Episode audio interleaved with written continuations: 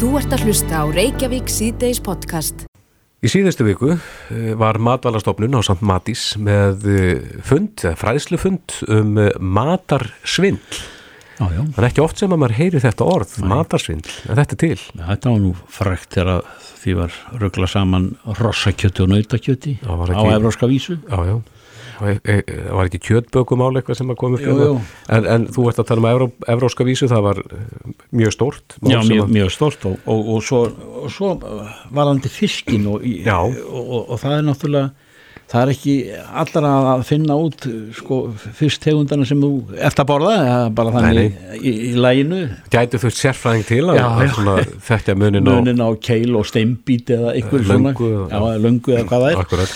En e, það er gott að sé verið að huga þessu því að auðvitað er reynir á þetta nú Já. á síðust á vestu er ekki? Einmitt. Mm.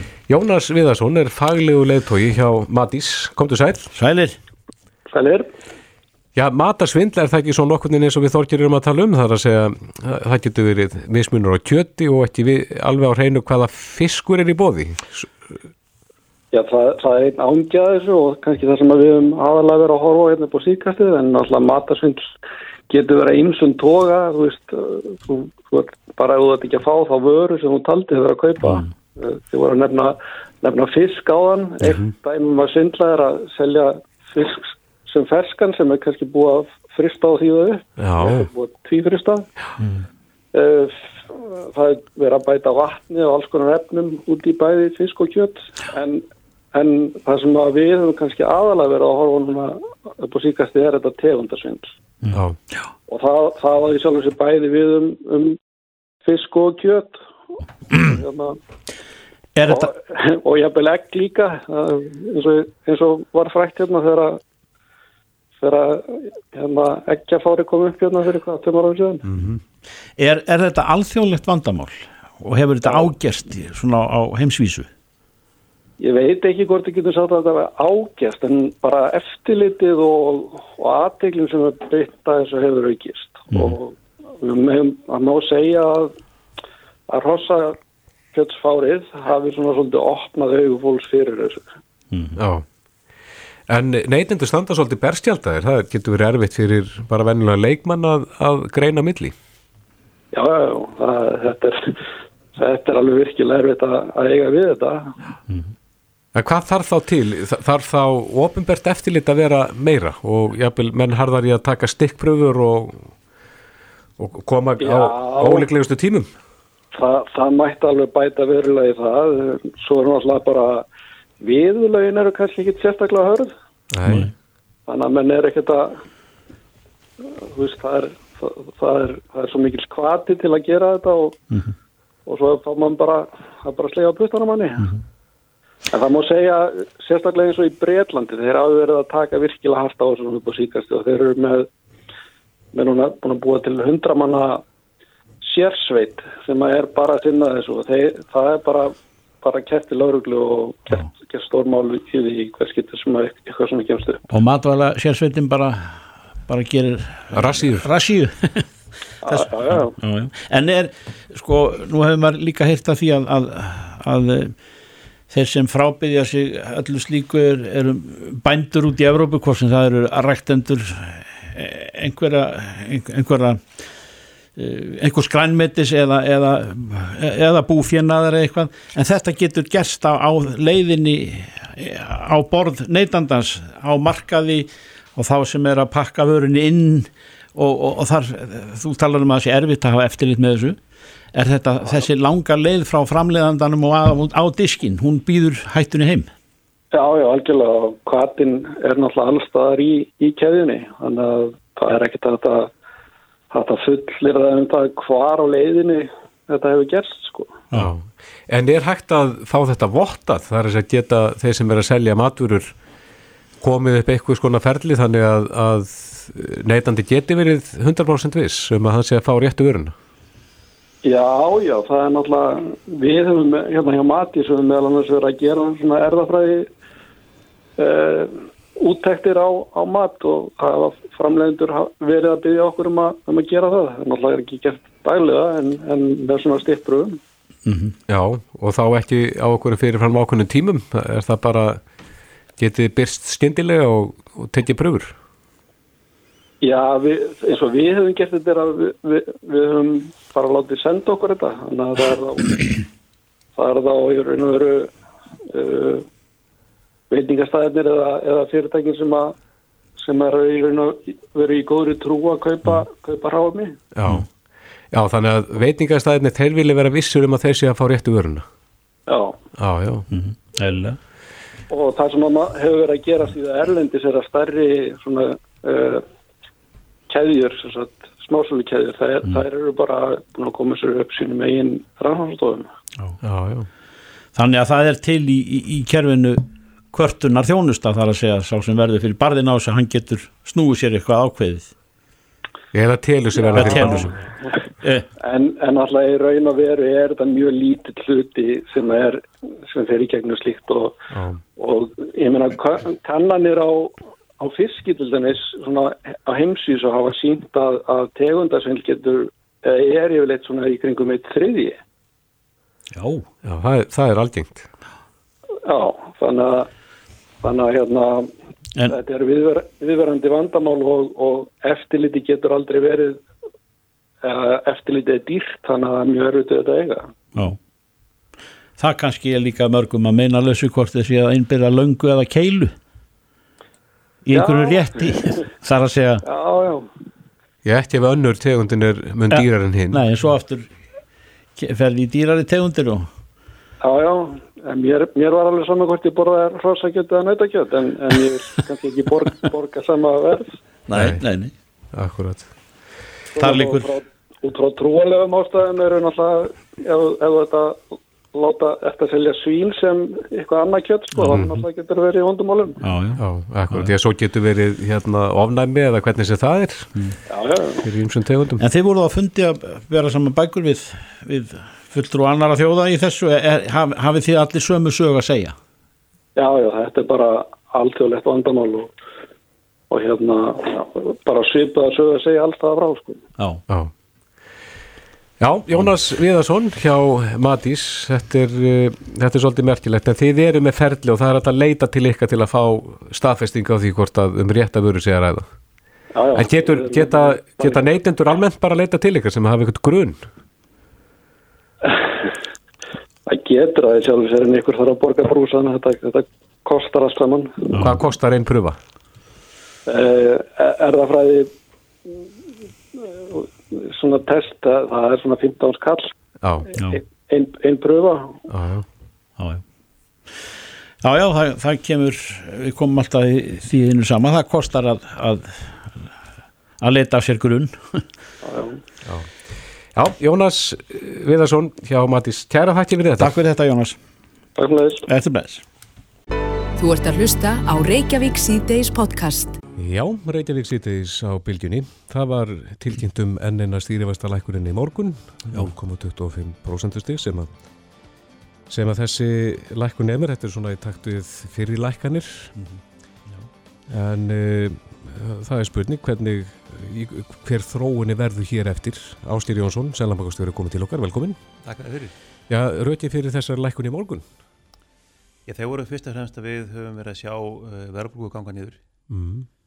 Og þarna um, sem er jákvæmt við, við sáum og síðasta vetri þá, þá gerist tvent, það annars var gengi króna lækkaði 10-20% og þá komum kjærasanningar með, með launahækunum og verðbúka hækkaði það aðeins en hún er að ganga niður aftur. Mm og einhvern veginn er, er, er, er hagkerfið höndlið þetta til dælu vel. Saman tíma líka erum við að sjá samdrátt í hagkerfinu og við, við viljum núna á þessum tímapunkti örfa hagkerfið, við viljum búið til nýstörf við, mm. þess vegna viljum við lækka fjármaskostna heimila fyrirtækja. Og það er svona ástæðan fyrir því að hverju gerum þetta núna. Hvað veldur því að við erum til tölulega svona rólegt yfirbræða á þessu eh, bankastjóri held ég, Arjón Banka hafi sagt á dögunum eh, gjaldmiðlin er ekki málið. Er það eh, nú búið að hamast á krónunni þannig að, að í, í, um ára bil í, í pólitíkinu og allstaðar erum er við í einhverju annari stöðu núna einhvern veginn eru það, sko það að hafa ein mynd þá erum við við sjálfstæða peningastefnu og það ráðum við hvernig við höfum hlutina. Og orðað þannig að það hef ekki heppast endilega sérstaklega vel hjá okkur Nei. að ráða sjálf hvernig við höfum hlutina og en það er að hefna spilnum og það eru ymsur hluti sem eru örvísin á fyrsta lagi við erum með 800 miljardar gjaldir í svaraforða þannig að krónan hefur núna, hún er öflug á baktryggingu. Líka það að við erum með vissita afgang bæði vegna ferðarþjónstunar og það gengir enda vel í sjáurutýrin líka þessu ári, herra að vera á sjáurafurum og líka aukinn sparnar þannig að, þannig að, þannig að, þannig að grunnunum til hækjörun er, er, er, er alveg svo lítið síðan uh, var líka þannig kæra síðust kæra sangan voru hólegir og svo bara virðist verið ekki trúleiki fyrirtækin eru ekki að velta þeim sem lausa launahækkunum út í, í hækjörð með, með verðhækkunum eins og margir óttuðust Erum við þroskaðir núna? Hva, hvað, hvaða breyting þú er orðið á? Ég held að við séum öll daldi breytt eftir áfællið 2008 Já, við höfum lært af því Já, ég held við höfum lært af því svona, svona sem þjóð höfum við lært af því ég held að það er allt unnur hegðun Já, er, er sem sagt staðan ekki eins brotætt í dag? Getur þetta breyst á einni nóttu eða, eða þarf þá meira til í dag? og við erum lítið hagkerfi, við erum alltaf háð, háð útlöndum Mm eitthvað sem að, eitthvað sem að Trump eftir að gera eða, eða einhverjum öðrum þjóðum mm -hmm. hefur mikið mikil áhrif á okkur. En, en, um, en staðan er ekki svo brotat og hún var, við vorum alltaf sko, frá árið 1945 til 2009 vorum við þjóð sem var alltaf með staðstöðsna vistahalla, vorum alltaf flytinn ellend fjármagn, þessi fjármagn Já. og þarna það er ekki lengur. Nei. vorum þjóð sem var alltaf með sérst, enga neyslu sem var skuldsett. Heimilum voru að taka lán fyrir neyslu sko. Það er ekki lengur. Þannig að Þannig að þarna, það skapar ákveði öryggi að það, sérst, sérst, enganæslan, hún er lægra hlutallar landsæðanvæslu var hún er 50% landsæðanvæslu, var 60%, -hmm. hún er ekki skuldafjárnum og það er því það að, að, þarna, að sérst, það er ekki, ef þú, þú tekur peninga láni þá ert í alltaf í vandræðum þegar Mm. það er ekki um neðsefli, við erum ekki að sjá það núna. En uh, nú verðum við vitni að því bara núna nýverið að, að hundruði manna er að missa vinnuna og þá, þá, þá rekka menn alltaf við af því þetta eru já þetta eru úr fjármálakerfinu og, og, og, og flugið flugmenn. En uh, og, og áfram veginn uh, Fiskvinnsla núna síðast? fiskvinnsla núna. Þetta er svona uh, líka brotætt Já, algjörlega, við, hvað hva er, er von á meiru? Eða ég- kannski ekki von er rétt orðið en, en, en er þetta er þetta eitthvað merkjum, eitthvað heldi í þessu? Sko með fjármálakerfið þá eru þeirra eitthvað litið bregðast við svona, eins og þið sögðu sjálfur bara tæknibreitingum þetta er orðið miklu meira sjálfvirt um, líka bankanir finna fyrir niðursöflunni, núna eru það afskrifa lán núna eins og banka þurfa að gera. Mm. og þeir þurfa að hagraða, reksturinn er tungur hjá bankunum, þeir þurfa að hagraða um, og almennt séð sko niðursöflur í hagkerfinu eru þannig að fyrirtæki segja fólki upp stundum er það nöðsilegt að fólk færi sem vilja atnumgreina þannig að stundum eru sagt að sko, niðursöflur sé svo tími sem að bara hagkerfi aðalagast og fólk, eitthvað atnumgreina sem mjög mikið fólki þurfa að það frá sér þá getur færi eitthvað annað, færið þjónsta kannski er mjög mikið fólki núna. En þetta er það sem við höfum ágjur af. Við, við, þess, þetta er ástæðan fyrir því okkur við erum að, að lækka vexti.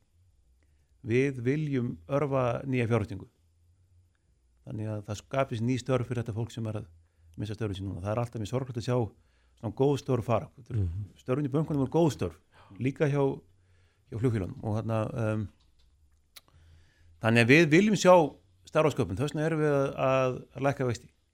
En þetta er brotætt og þetta er þunn lína. Þar að segja þið lækkið vexti til þess að örfa neysluna og til þess að örfa hérna, e, fjárfestingar en e, þið viljið ekki samt að, að Íslendinga fari að skuldsita sig. Nei, við, jú, nei við, Jú, eða hvað? jú, þetta er svona eða- jú, jú. tvíendja sverð. við viljum að, að þeir sem að, eins og sem dæmi að þeir sem eru með ný fjárhættingaverkefni þeir fái fjármagn og þeir fái, sést, fái lán Mm á læri vöxtum og þess að hvetja fólk til þess að fara til fjárhættingar það er að ástæðan fyrir vastaleikunum en svo viljum við náttúrulega ekki svo að það eru rétt að sína hinn röndinu þá, þá við viljum við heldur ekki að Hvenær eru við komin á langt í, í skuldsetningu? Sko ég held að eins og staðan núna að við séum til til að góður stöðu um, um, það hefur ekki verið svo mikil skuldsetning sem er í kerfinu eh, hefur ekki verið um, ég held við getum alveg hvart eða sérst uh, alveg þannig að tekist á við nýja sko, fjárhustingu og, Mhm. og, og, og, og, nýja lán. Já, þetta er svona eitthvað dans á einhverju línu sem að, sem að þarf að fara varlega á.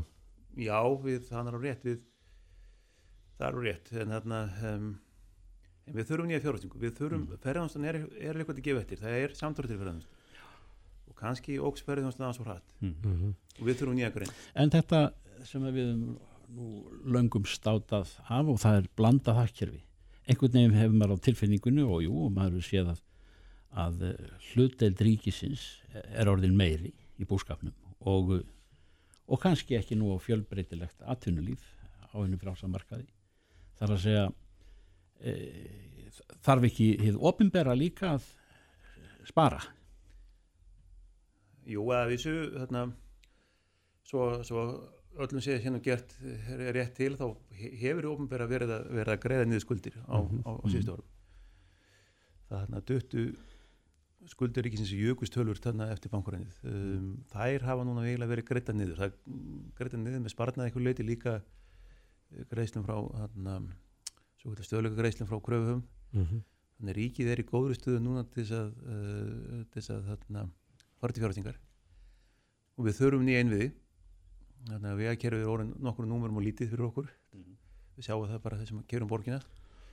Og þá þurfum við að geta veginn felt það inn í inn í efnaðskerfi þannig að það valdi ekki, ekki þarna uh, svennu eða, eða, eða þarna verðbólgu En nú var verið að skrifa undir þennan samgöngu sáttmála, þetta eru 120 miljardar á 15 árum.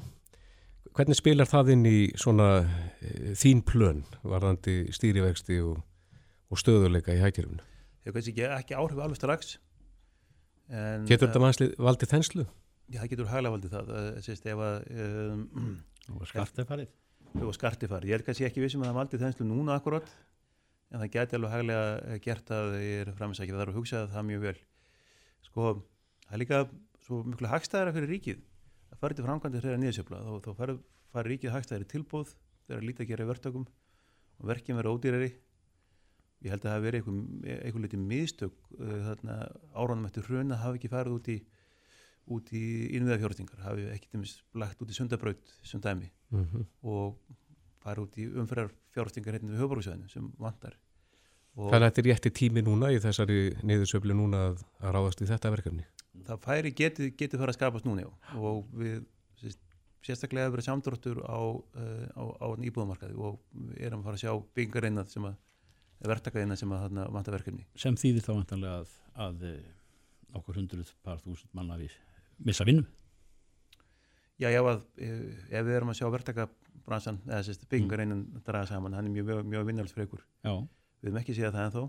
Næ og, um, og er það í farvatninu? Við vitum það ekki, það er að hægja fastnimarkaði, við, við sjáum það bara af, af veldutölum um, Mm og einhverjuti hefur verið sagt sko að það sé verið að byggja uh, rangar íbúðir, það sést allt og dýrar. -hmm. og það hefur kannski verið einhverjuti rangur fókus. Um, hins vegar er verið á saman tíma með þjóð sem er að fjölga mjög hratt. Við erum hæstu fæðingatíni í Európu ekki, ekki spyrja mjög akkur þannig er það og, og helmingu þjóður en yngri 34 ára. Mhm. þannig að við erum aðeins við þrýrum aðeins yfir þeim mörgn Mm en, þarna, en minna, við, við, þurfum, við, við þurfum nýtt húsna, það er gríðarlega mikið réttsveitin húsna verður til framtíðar. Þannig að þarna, þannig ég hef ekki svo mikla áhyggjur og að það veri mikið offrambóð og fastegnum svona í heldara samingi. Mögulega of mikið einhverjum egna flokkum. En, en fastamarkarinn er það eitthvað sem við, við hljóttum að fylgjast mjög, mjög, mjög vel með náttúrulega. Um, Þú ert búin að vera ekki lengi í embætti. Einn og hóla mánuði og einn og hálfa mánuð. Mikla breytingar í, í þínu lífi en, en uh, þú ert líka að taka við hvað ég er að hækkar ekki launum Nei, það veist ekki. Ég er, að, ég, er að, ég er að fá aðra stofnun og launin mín hækki ekki neitt. Vinnan töfaldast, nei, ég er í segið það með gerindar um, sko það er sjálfmálitið og sjálfbankin er að saminast um, sama tíma er eitthvað litið nýr stjórnastrúttur að koma fram. Um, sem eru þrýr vara sjálfbankstjórar mm. þannig að ábyrðinu verður þannig deilt. Um, við, við erum mjög spenntið við þessu í þessum tímastofnunum þetta eru ímist tækifæri sem skapast uh, við þessa saminningu um, það þó, verður þó einn aðeili sem er raunin sér um bankana, byrja ábyrð á þeim og fylgist með þeim og tekur ábyrð á þeim og, og ég tel að það sem er jákvætt um, það er svona verkefni fyrir okkur að fella þetta saman og þetta er ekki svo eh, þessi samning sé vegna þess að stofnunir hafa gengið illa eða þessi ekki sínið sínu hlutverki fjármálutni hefur bara standið mjög vel og þannig þetta er þarna, þarna, þarna spennandi verkefni Einmitt. Já, það, er, það var tilkynnt er það ekki í morgun að koma nýs banka inn á markaðin það er ekki hollenskur eitthvað netbanki sem er að hefja starfsemi sína meðal hans hér á Íslandi. Hvernig ljómar það? Ég held að við séum að sjá uh, gríðilega mikla breytingar uh, á fjármálamarkaði vegna fjártækni uh, sem kvölduð er eða, eða fintech. Um, og líka það að það bankar höfðu enga rétt á greiðslumölun nokkur veginn. Um, og um, það við erum að sjá bara nýja aðeins að fara að koma fram Meðan það lækka vexti til almennings. Sko það er óljóst með það sko en kannski muni lækka kostnaði eins og hluti eins og fæslugjöld og kostnaði við að millifæra. Um, og þarna um, mögulega lækka kostnaði við að skipta gjaldir eða eitthvað svolítið slutir mm -hmm. um, það er eftir að gera sér grein fyrir því um, mögulega líka aðrir aðlar fara að taka þessi greiðslið eins og, eins og bara bara þarna Amazon sem dæmi eða, eða, eða, eða, eða eitthvað álíka Mm -hmm. og við erum að sjá tölvöld mikla breytingar í því, við erum að sjá uh, varandi greiðslið og, og þá erum við vilja fara kannski sjá elenda banka fara að koma inn sem eru bara á netinu ekki, ekki Þannig er þetta bara byrjunni núna? Ég held það, jú Já. og þetta er, þetta er alþjóðlegt að, að, að bankakerfin er að minka eða í- fysiskt þar að Já, segja við, við erum að sjá það núna nokkurn veginn gegn heilt Sist, vísu það var að þannig eh, um bæði Európa bandaríkinum að bankarnir voru stórir Já. og þetta var náttúrulega einhver lítið bóla sem var í gangi þá og, Mhm. og þeir eru búin að vera að skera sig um, sist, búin að vera með eurun eiginlega stanslust Já. en við erum að sjá til einhvern tíma litið að eh, þessi gerfi greind og það sem kallar eru algoritmar Mhm. og ymsi tækni er að leysa mannshöndina eða mannshugana hólmi öllur, ekki manns, hugana hólmi í, í, í, í, í, hjá- í bönkunum úti þannig að við erum að þessu bankakerun út í smækka og um, það ætti að leiða til minni kostnaður Mhm. og ætti að vera jákvæmt til lengri tíma litið en þetta er náttúrulega breytingar sem getur verið sjásökaðular sko. Já, rétt aðeins í lokin, áður en við hvernig þig, eh, þið lækkuðu stýrivexti morgun, svona miða við jarðvegin eins og hann er núna, sérðu fyrir að við förum enn lengra niður? Það fer til hvað gerist sko. um, fyrsta lagi sko, hvernig að hagkerfið mun uh, koma niður uh, þetta lítur vel út núna ég sjálfur hefa ágjörði því að, að, að, að það getur verið áhætt að niður á við. Þannig að veður válind elendi sem orða þannig Mm -hmm. þannig ég hef ágjörði því að þetta sé of gott að sé vera satt. Og ef að hagkerfið fer niður ef, ef við erum að sjá verri horfið hagkerfinu að það munum bregðast við með því að, að læka veist við, við, við viljum örfa hagkerfið. Já. við viljum að sérst, ef það okkur hefnast að halda verðbólgu skefjum örfa hagkerfið með því að, að læka vextin að við viljum sjá nýja sko fjárhástíma Þannig að stýrivexta lækkun er ekki endilega merkju um, um gott ástand, heldur akkurat þvert á móti. alveg þert á móti já. Já. Ástír Jónsson, uh, selamgáðstjóri, kæra þætti fyrir komina. Takk fyrir Reykjavík síðdeis á Bilginni podcast. Í gær var uh, alþjóðlegu dagu kaffis, Já, og við drukkum kaffi já, í tilum dagsins. Já, svolítið Yfirleitt finnst mér nú uh, fyrsti bolli dagsins, sá besti. Hann er langt bestur Já, En það, hann þarf líka að vera réttlega áður hann þarf að vera réttlega og það er alveg rétt. En, og í dag er annar dagur sem að tengist kaffidrykkju því að í dag eigum að drekka kaffibolla með lögreglumanni. Já, ég læt hann líka með hluta hver fullir það? Já, þessi, dag, þessi dagur er til, það er Já. fyrsti miðvíkudagur í oktober Já. er sá dagur sem við um að setjast niður og, og ræða við lögreglumann eh, bara um daginn og veginn.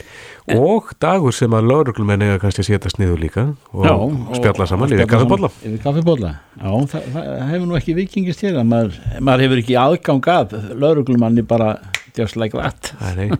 En það er ef þið, ef þið sjáuð, ég tala ekki um ef þið eru færið til að bjóða lögreglumann í kaffi. Herðu, en fyrir tveimur ánu síðan að þá slóum við að þráðinn til eh, sérfræðings hjá Kaffi Tári. Hún heitir Aðalheiður Hjeðinsdóttir og eh, fyrirrandi eigandi, stopnandi Kaffi Társ. Eh, en við spurðum hanna út í kaffið meðal hans hvernig á að laga hinn fullkomna kaffibólla en byrjum á því að spyrja hana um munin á þessu kaffi sem er í bóði þar sem við erum með hérna malakaffi Það er eh, sem við mölum bara á staðnum. Það eru púðar, það eru hilki og svo er það þetta sírópskaffi og við spurðum uh, hana fyrst að því hver munurinn á þessu kaffi er? Uh, það er kannski helstu munun er bara uppahellingar aðferðin. Já, er þetta allt svona svipað? Mm, Sko, þú getur bara í púðakaffi, í, nei, kannski ekki síruböðni, hilkjum og bönum, þá getur þú fengið mismunandi gæði. Þetta er bara eins og með allt annað. Já. Þú getur fengið mismunandi gæði. Hins vegar er svona eh, kannski svolítið sem að fengur sökla að því að þetta er sko frekar dýrt eh, sem sagt prósessin að setja hilkin að setja í púða eða eitthvað svo leiðis að þá hefur stundum verið tendist til þess að nota ekkit endilega hæstu gæði já. á kaffi, kaffibauninni sem sagt. Og eins og var gert hérna í- þegar að í hérna koffinlösa kaffi hérna, þegar að svo uppkvæmdum var til að þá hérna að þeir þá var það svo dýrst að gera það koffinlust og hérna þá voru hérna notaði liðlega bönir og alveg eins líka þegar að hérna var fyrst farið að gera svona frostfuska svona instant þá var sama Já, en maður hefur það einhvern veginn á tilfinningunni að, að nýmalað kaffi sé það besta. Eh, Er það ykkur bara mýta eða? Nei, það er ekki mýta. Og þú- hérna kaffi byrjar hérna súrefni og hiti það skemmir kaffiböninu og leiður að búa að brenna hana. Mm En hvað með kaffi sem er búið að, að mala fyrir ykkur síðan, búið að setja í púða eða hilki? Það er ekki nýmalað þá?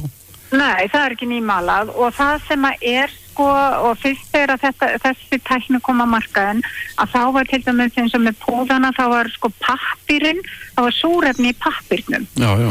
sem var til þess að kaffið var svo fljótt gamalt og svo þarf að mala þetta rosa fínt til þess að þetta leysist allt upp á þessum sekundum sem maður tekur að hella upp á.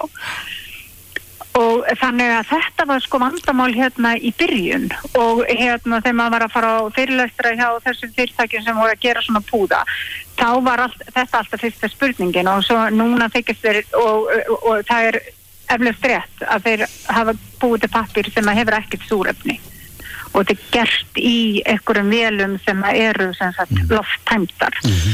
En aðalögur uppáhellingurinn, hefur hann lifað þetta allt af?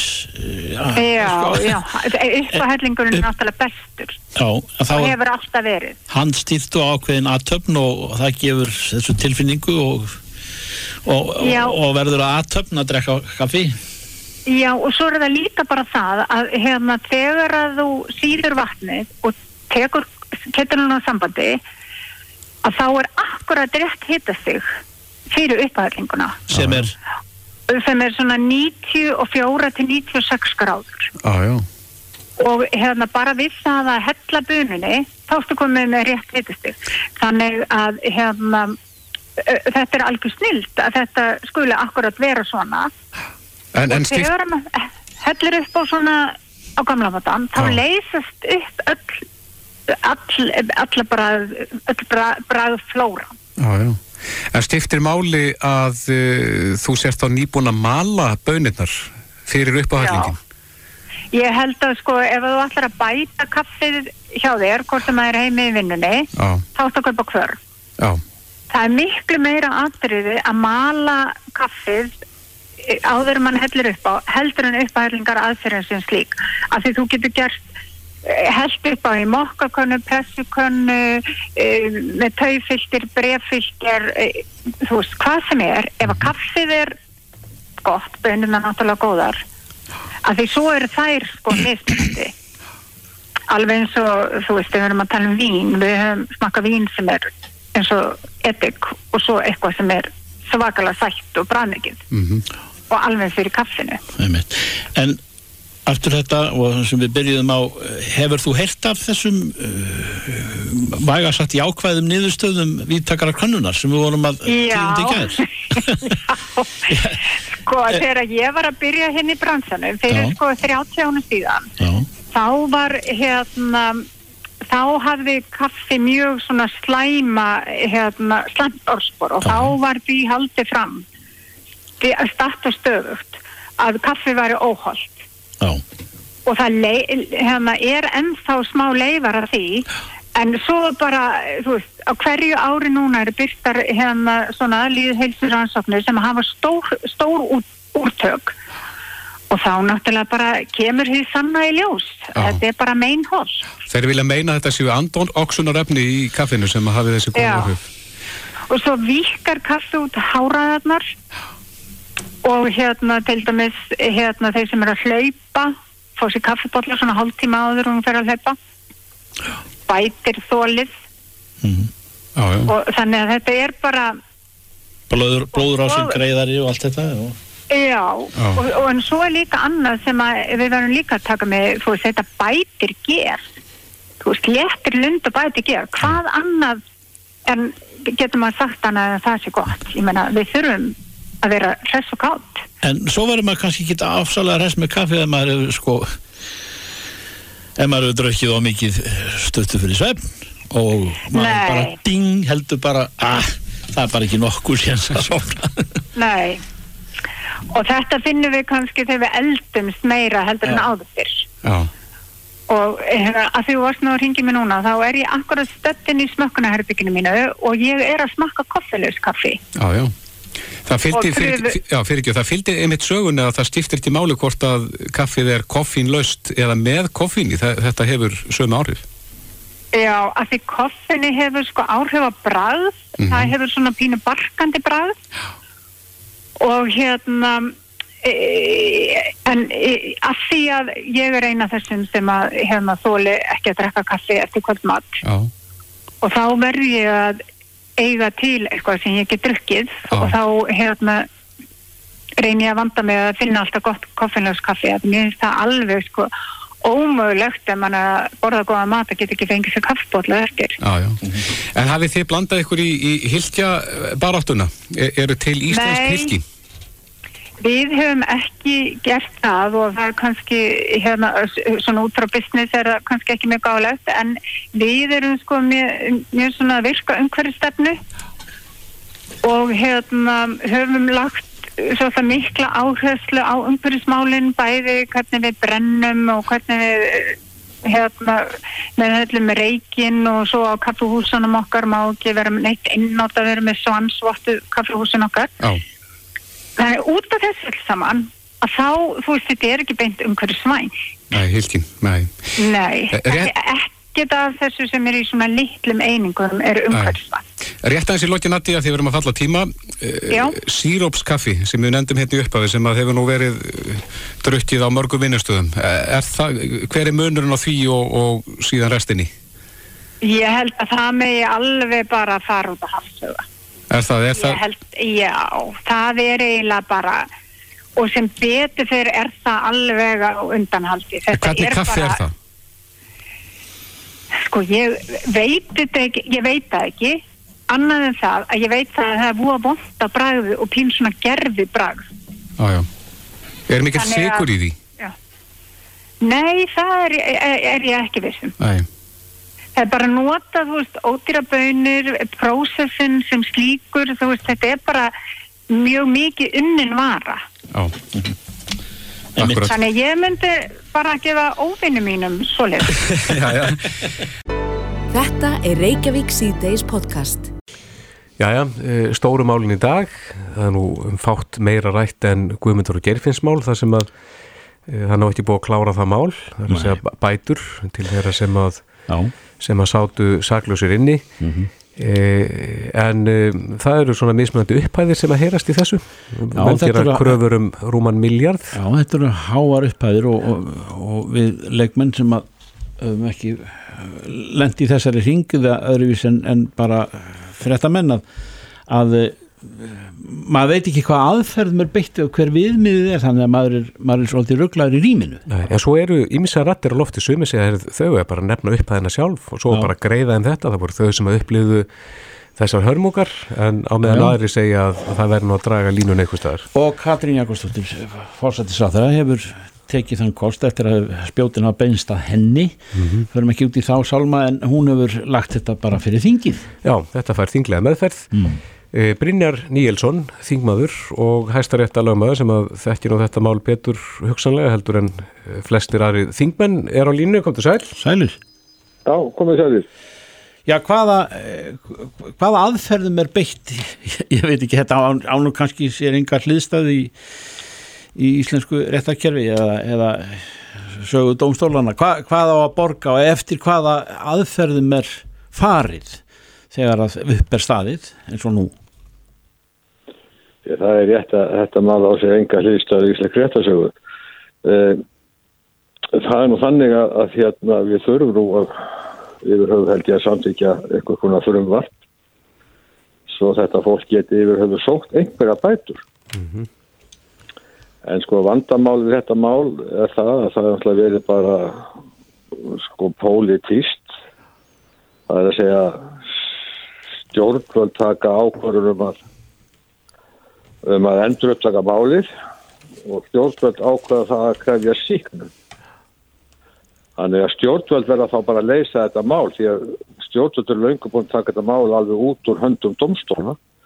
Þannig að það er mikil miskilningu að halda það fram að hæstir réttur hafi, eða domstóla hafi síknað í þessu máli.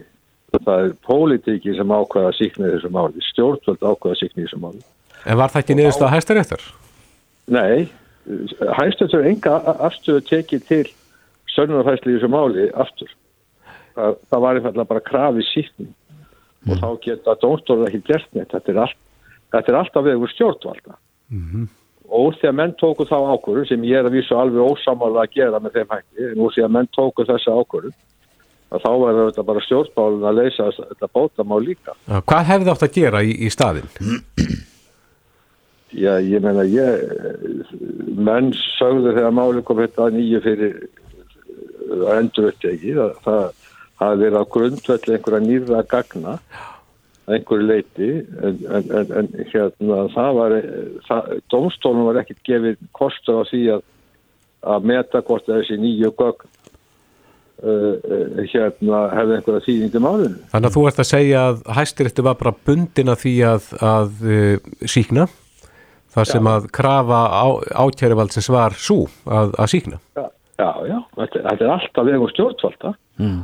og, og þannig að, að, að nú er spurningi geta sko stjórnvald uh, leist bara þá úr málinu. Er þá ekki þessi þinglega meðferð sem að Katrín Jakobsdóttir hefur bröðið eða, eða gripi til, er hún þá ekki eðlileg og, og sjálfsögð? Hún er raukast með við það sko. Mm. En það sem ég er auðvitað ekki sáttu við að, að, að, að því að, að menn vegi svona sjálfstæði dómstóluna og taki bara pólitískar ákvarðanur um að síkna fólk og, og borga því bætur. Það, er bara mjög óvinnlegt að gera það og bara einstæmi að það sé gert. Já. Að ég, ég, ég hefði viljað bara sjá dómstóluna að gera þetta. Ég meina, í, í, í þessari sko síknu, þegar var krafið síknaði hæstaði Veitu, það var aldrei uh, gerðin krafum það hvað, sko, hvað það þýðir við ákvöðu refsinga. Nei. Því að það, það var auðvitað mörg önnur mál heldur þessi ákjæruliðu það sé að hvarfið á Guðmundur Gerfinni í þessu máli. Hvaða þýðingu hafði sakveitlinga þýleiti á, á refsingu? Þetta skiptir að mínu máli skiptir að mínu máli miklu máli við ákvöðun einhverja bóta. En á þetta var aldrei látið reyna. Hvað, hvaða þýðingu þetta hafði á refsingunum? Já, þannig að, að málið eh, eins og þetta lítur út kakvart okkur mm. uh, bara almenningi að, að, að þetta er þá þetta er þá uh, laust taumur þar að segja það, Já, það getur, það, þessar bætur geta vel í hvaða upp að sem er Já, já, ég meina þingmenn þurfa að taka bara eða stjórnmáli þurfa að taka bara ákvörðu hvað ætlum við að láta skakka en þú borga mikið fyrir þetta. Hvað aðferðum á að beita til þess að komast að því hvaða upphæði er sandjörn? Það er volið erfitt þegar við vitum ekki sko, hvaða, hvaða áhrif þetta hafði á, á, á, á heilta refsingun á, á, á hjá þessu fólki. Það er allir búin að gleyma því að þeir voru megnum til dæmdi fyrir margt annar. Þeir eru ekkert síknaður af því. Nei. En þingmenn hljóta þurfa að koma með eitthvað tillögur að upphæðum. Já, eða, eða, eða ráseran eða, eða ríkistjótin verður að koma eitthvað til þú. Já, nú eru gerða kröfur um, um rúman miljard í það minnst að í tveimur tilfellum. Já, ég tel að algjörlega fráleita tölur en, en hérna, menn geta haft eitthvað aðra skoða því. ég get ekki, ekki samþygt slíka tölur til þess að, hérna og láta skakkæðund og borga, ég get ekki farið þannig með skatt það verður að vera einhverju samræmi við eðlilega bætur með að mm. gengur og gerist í málum þessu tægi, þetta er ekki þetta er ekki fyrsta skipti sem menn hafa verið frelsiftir og, og, og, og að græða bætur En heldur þú að þín skoðin eins og þú ert að varpinni frá núna að, að hún sé minni hluta þarna í þingi? Ég veit ekki um það. Ég, við erum alltaf að fráslega þegar við erum, að, erum með pening annara sko. Það var lítið mál fyrir okkur að samtíkja útgjöld sko. Já, en þetta lítast nóguleitanlega af svona vissum vandraðagangi, heyri maður. Þetta er vandraðagangur alveg frá upphafi. Það er auðvitað í mínum hætti ekki báðilegt að fara þessa leið sem að fara en nú því að hún var farin þá þurfum við að leysa þetta líka með einhverjum hætti og, mm. og, og, og greiða svo alltaf stöðsík eh, er, er sjálfgefið að greiða afkomendum Þa, það er alveg nýmæri líka Hvað finnst þér um það? Ég tel, ég tel svo ekki vera ekki frekar í öðrum sanginnisbótu sem við hefum sannsýtt Er engin fordæmi fyrir því? Það getur vel að sé einhver fordæmi fyrir því mm. Ég veit það bara ekki En, en nú maður færa rauk fyrir því að, að börn þessa fólks eða þessara manna hafi þjást í gegnum tíðina að vera börn tendur á morðingja? Þeir voru aldrei tendur morðingja, það er nú einn miskilningur sem eru gæðilega upp í samfélagin Voru það ekki sakfælt fyrir? fyrir nei, þeir voru dæmti fyrir hættulega líkansáras og, og, og, og sem var mönnum að bana en sá það var virtendi gálesis, það er að segja það var ekki ásetningu til þess að drepa menn drepa mennina mm.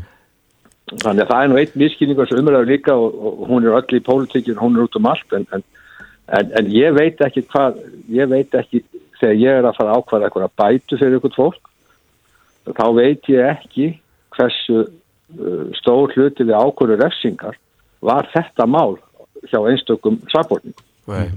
Þannig að, að, að Guðmundar á gerfinsmálið er alls ekki á leiðin útur uh, umræðinu hér, hvað þá ég, ég held að það sé komið tími til að, að losa þjóður undan þeirra umræðu sko. Já, en, en þarf þá ekki að gera málið upp í heilsinni þar að segja svöymir hafa kallað eftir rannsókn á rannsóknmálsins? Það er nú búið að vera því líka leiki og ég hérna Ég held að það hafi enga þýðingu. Ég held að það sé bara best úr því að stjórnmálamenn tóku þessa ákvörðun að síkna þetta, þetta fólk mm -hmm.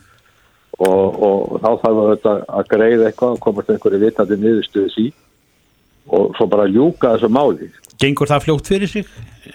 Hvað sínist þér? Er ekki búið að leggja þetta fyrir þingi nú þegar? Já, það, það er búið að leggja frumafið fram en það er engin umræð að byrja um það ennþá. Nei. Hefur þú trú á því að það gangi fljótt fyrir sig? Eða... Nei, nei, nei, nei, menn munum fara hér í einhverju yfirbóð og stæla sko. Hver er þá helst? Stjórnmálamenn, þeir eru aktífastir, í því. Þvert á línuna í stjórn og stjórnar aðstöðu?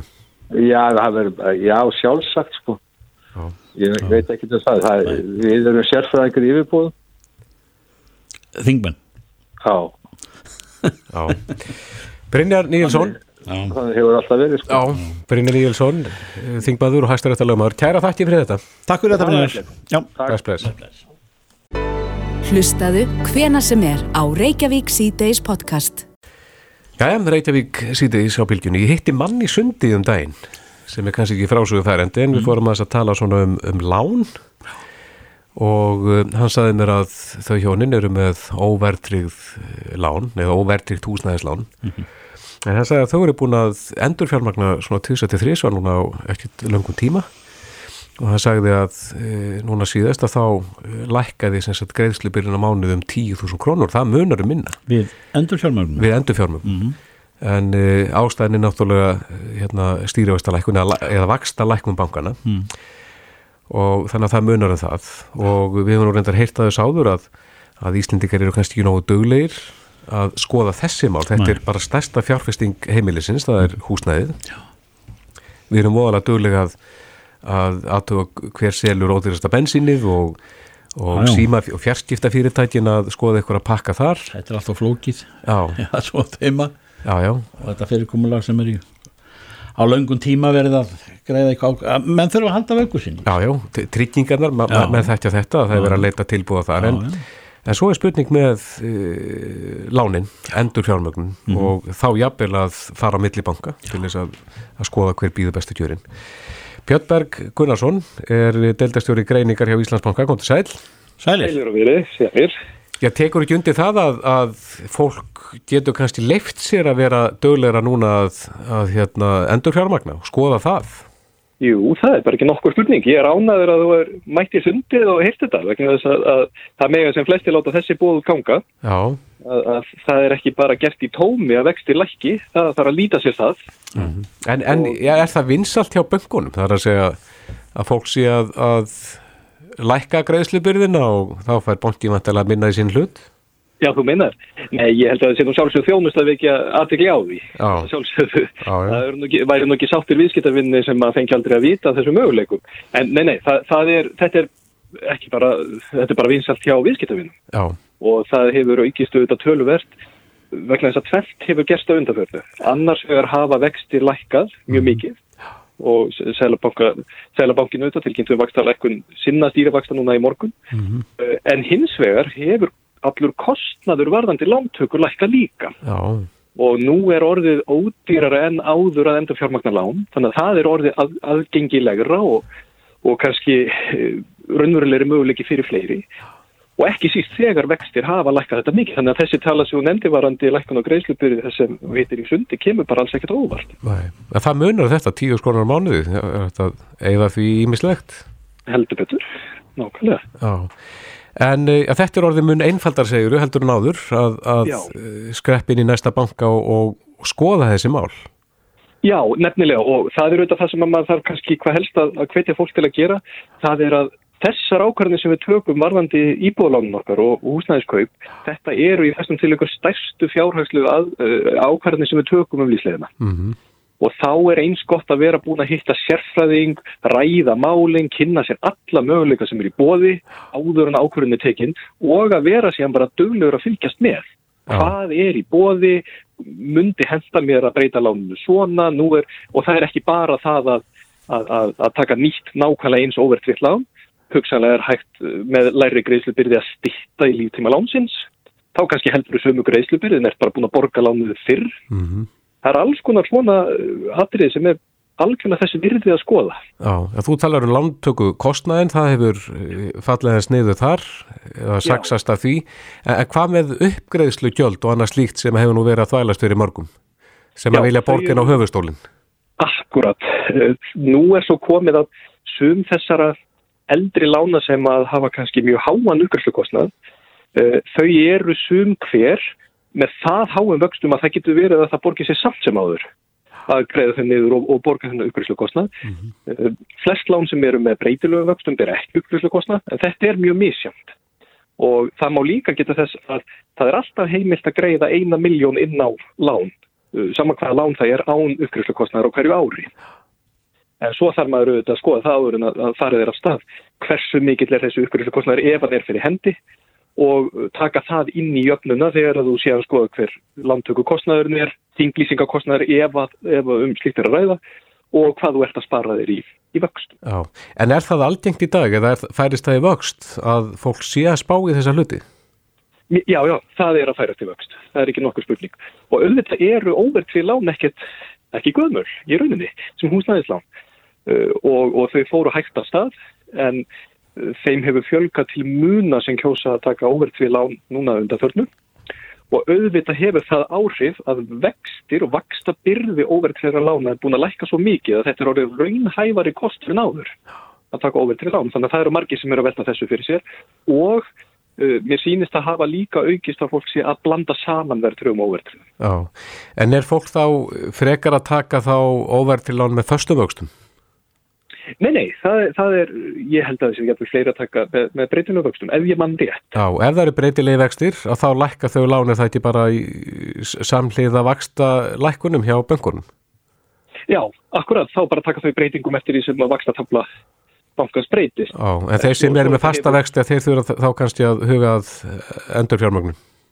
Já, nefnilega, þá er gott að skoða það sérstaklega ef ef, ef við höfum fest vextina í umtalsveit herra vakstu umhverfin en núna, þá eru þetta algjörlega tilitni til þess að skoða hvort það setja að gera byttur. Já. Getur þú nefnt okkur dæmi um hvað fólk getur verið að spara sér í krónum og örum uh, við það að endur fjármagna? Já, við getum, við getum nálgast það frá tveimur hliðum. Annars vegar varðandi greiðslubyrjina sjálfa og þá er, er dæmið eins og nefndi varðandi tíu skallar mánuði fullkomlega raunhæft og, og kem ekkert óvart. Auðvitað er bara sveiplunar og vöxtum í Íslandi hafi verið þar miklari gegnum tíðina að það er bara allur skalinn til varðandi, varðandi vexti á lánum sem ennþá eru umferð. Eh, Þannig að það er alveg klárt að vaksta að greiðslu byrði, hún getur lækka mjög mikið. Hitt er það að eh, með því til dæmis að stitta líftíma láns, segjum sem svo sett með verðfritt lán, verðfritt lán hegða sér þannig að verðbólgan sem mælist í hverju mánuði, henni er í rauninni smurt yfir afgangina líftíma lánsins. Mm Og þetta er það sem veldur því að fólk sér verðfriðu lánin sín hækka áður en þau fara að lækka aftur.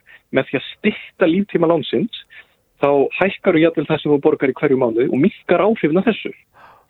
Þannig að, að bæði getur að lækka greiðslubyrjun í hverju mánuði en þú getur líka bara lækkað heildar upphæðina sem þú kemur til með að borga af láninu fyrir upp er staðið. Já. Það getur mynda mjög miklu um það. Akkurat. Og þetta er eitthvað sem að fólk ætti svona fyrir alvöru að, að skoða ef það er með þessi lán. Algjörlega híklust. Ég mæli með því og það er alltaf gott að leita til uh, sérfræðinga í þessu málum. Þetta er allt orðið einfaldara. Uh, það er hægt að, að til dæmis ganga í gegnum greiðslum að alfarði á vefnum. Það er orðið, allt er þetta orðið aðgengilegra, fljótlegra og jafnvel ótrýra en áður. Og, og það kostar ekkert að verða sér út úr ráðgjöf hvort sem maður síðan kjósi þess að kjósi að gera eitthvað í framhaldinu eða ekki en, en þetta er bara eins og með margtann, er ekki margir sem að taka alltaf ringin á tryggingafélunum á hverju ári Jú, jú, líka? Já, já, eins og ég nefndi hérna áður fjarstiftin og ýmislegt annað, eh, skoða hver menn fá ódýrasta bensínið en þarna kannski litja líka stóru fjárhæðinir. Já, nefnilega, það er uh, maður getur nú alveg bara sleppt í að fara í allt hitt en maður ætlar ekki að skoða stærstu fjárhæðinar Akkurat. það er alveg klart Björn Berg Gunnarsson, deildastjóri greiningar hjá Íslandsmáka. Kæra þakki fyrir þetta. Sumleis Þú ert að hlusta á Reykjavík C-Days podcast. Knaspirna er stóriðja í dag Já, má segja það. út um allan heim og hefur vaksið alveg gríðarlega og við erum ekki farið varhluta því við Íslendingar af vísu eru við með ágætan árangur í, í fótballtanum Já, já, við erum að ala upp marga og höfum gert Já, það í gegnum tíðina já. svona með að við höfðatöluna gömlu. Já, já, en svo frétt best yfir allar Íslandsbyðir að að knaspirna umbósmennin Bjarki Gunnlússon og, og Magnús Agnar Magnússon sem er ekki hafa eh, fótbolta eða umbósmanna skrifstofuna uh, totalfútbol á undanföldum árum hafa nú gengið til þessu stærstu umbósmanna skrifstofi í heimi. Já, uh, Stellar Group heitir hún, ég hef ekki ekki heyrt af henni en, en þetta er nú hulni seimar fyrir mörgum en Magnús Agnar er á línunni. Sæll. Blessaður. Eh, þetta hefur mikla þýðingu eða hvað, þið, eru að færa út landhelgin að þannig eru allur heimurinn undir ekki satt? Fyrir unga knaspinu konur og karla? Jú, klálega. Við, hérna, þeir alltaf hafa, Stælagrúpp hefur haft nokkur íslinga undir sínum venda væng eins og Jóhann Berg og Arn Einar áður. Já, Þannig að þeir þekki til Íslands áður en við komum til sögunar og, og Gretar Rapp myndar líka. mm. en hvað þýðir það að, að þið hafið hafið samstarf við, þessa aðeila? Já, það þýðir það bara að við erum að stækka sjónlaringin og möguleikana uh, og vonandi opna fyrir dyr fyrir íslensku fótboltamöndi framtíðar. Já. Er, það, er þetta út um allan heim? Já, þeir eru skrifstofur uh, á mörgum stöðum í Európu og, og líka í bandarækjunum Kína meðal annars. já En, en svo les maður nú stundum um það að það vanti góða knaspinu menn í heiminum Eh, það er, það er mikil þensla á þessu markaði, ekki satt Ég held að það vanti kannski ekki góða en alltaf, vanti alltaf heimi Karlsson til dæmis. En, en hérna, nei, nei, ég held að það sé alveg mikið af góðum fótboltamönnum og það hefur alltaf verið til dæmis á Íslandi með hvað nú fámenn þá eru hótturlega magna af góðum drengum sem kom upp og stúrkum þannig að ég held að það sé frekar að okkur vantar fleiri já, fyrir lönd sem, sem hérna eru áhugaður fyrir, fyrir okkur. Já. En e, svo hefur maður líka séð sko e, brjálæðislegar hækkanir á, á, á þeim bestu þar sem menn eru nú fannir að taka sko drjúan hlut af, af, af fjárlögum hvers lands sem þeir flytja sér til neymar uh, og fleiri nefndir til sögunar á, er ekkert þak á þessu? Nú tí, tíminn eða það ljós en ég held að sko meðan þetta er alltaf klálega vinsalasta íþrótt heimsins Já. og hérna og ég menna peningarnir er til staðar vegna þess að það er mikill áhugi og í England eins og, eins og hefur verið undarfærin já, misseri og þá það alltaf bara áfram áfram en, en núna sjáum við að Ítalija er komið tilbaka og þegar ég var alveg snipp þá var Ítalija nú aðalstaðurinn, það er nú breyst en Barcelona Real Madrid aftur staðar svo sko með PSG þannig að það verðist nú vera að, hérna, það sé ekki, nei það sé engin stoppar á þessu Nei. En hvernig starfa svona umbóðskrifstofið eins og ykkar? Eru þið að fara á uh, leiki hjá jafnvel yngri flokkum svona til þess að reyna að koma auga á gott efni? Já, já, vissulega. Við, við, við viljum fylgjast vel með og, og hérna horfa og, og, eins og Íslandi og, og þá, þá teljum við okkur hefur nokkuð, nokkuð með þá reynu hverjur eru ungu og efnilegu strákarnir sem eru næsta kynslu okkar Eður Smári og Gilvi Þór Sigurðsson næstu ára tíuna. Já. Hvað farið langt í flokkum? Við erum með, núna erum við að til dæmis er ég farið til Póllands og horfa á strákar sem er fættið 2005 spila með undir 15 landslið Íslands. Já, já. Þannig að þegar þið komið upp á það stig þegar að þessi strákar eða stelpur eru komin í sko yngri landsliðin að, að þá svona detti þið á árandapallana. Já og við auðvitað höfum líka fólk í kringum okkur sem við treystum á og, hérna, og horfum á, já við vissulega marga leiki en, en hérna, það er aðaldri á Bjarkir á Íslandi og, og fer á marga leiki og svo, svo er ég hérna í Kaupmunöfn og fer á marga leiki hérna endur við með nokkur, nokkra unga stráka efnilega hérna að spila Danska? Eða íslenska? Nei, íslenska. Já, já. Já, já. Er, það, þetta er fervaksandi, er, er verið að sækja í yngri og yngri menn hérna heima þar að segja og, og semja við eða hver eru þetta aldurs lámarkið eða sem hvað, mega, hvað megið þið fara langt niður? Sko ég myndi horfa á það sko að ef það strákunni er yngri en, en hérna átjana þá teljum við á hann á fólkdrana og þú getur ekki skipt um lið yngri en 16 ára þar að segja sko mikið landa Já, já, það eru mörkin. en það er engin ástæða til Nei. annars. Já, já. En, en þegar að, að þetta fólk er komið undir ykkar vendavang, sjáuð þið þá um öll samstýtti við klúbana ef eitthvað kemur upp á? Já. Þannig að það gerist ekkert án, án ykkar vitundar og, og vilja? Uh, jú, jú, ég meina við viljum getna að, að fóreldrar og, og, og leikmenn hafa eins og mest samskipt við, við fjölegjum sko. Já. en, en það er bara mismöndi sumir eru með hérna framfærir og, og eiga ekki vandum á það það er meira, meira vandum á það. Að það er ekki okkur því eins og við erum mismöndi sko. Já, einmitt. En uh, þið hafið úr nóg að spila þegar við erum að tala um Ísland.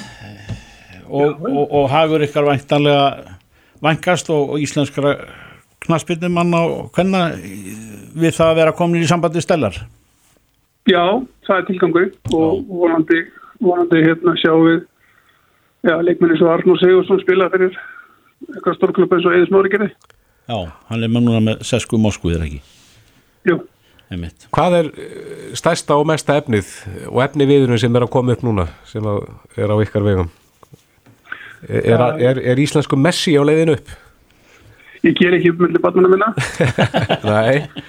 en, en hérna, það, er, það, er, það er alveg ótrúlegt. Það eru það sem er merkilegt það eru margir strákar uh, hérna á íþjóðamenn að koma upp sem eru sko bæði í, í, í handbólta, fótbólta, körubólta það er ótrúlegt sko með hvað við erum nú fá með við eins og, bara nákvæmlega lönd okkar Danmark, Svíð og Noreg sko. Þannig að ég held að sé, það eru mjög margir spennandi drengir að koma upp tímið er leiða það ljós Og er, eru íslenski leikmenn eftirsóttir?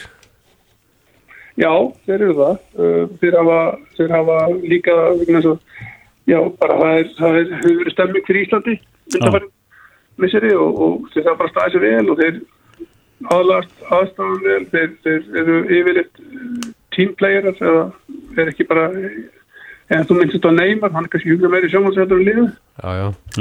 Íslendingar, Íslendingar eru öðruvísi Er þetta unga fólk bæði strákar og stelpur eh, er það rétt sem maður heyrir og hefur orðið áskynja að eh, í bolta íþróttunum er, er, eru leikmenn ungir árum miklu teknískar en þeir voru?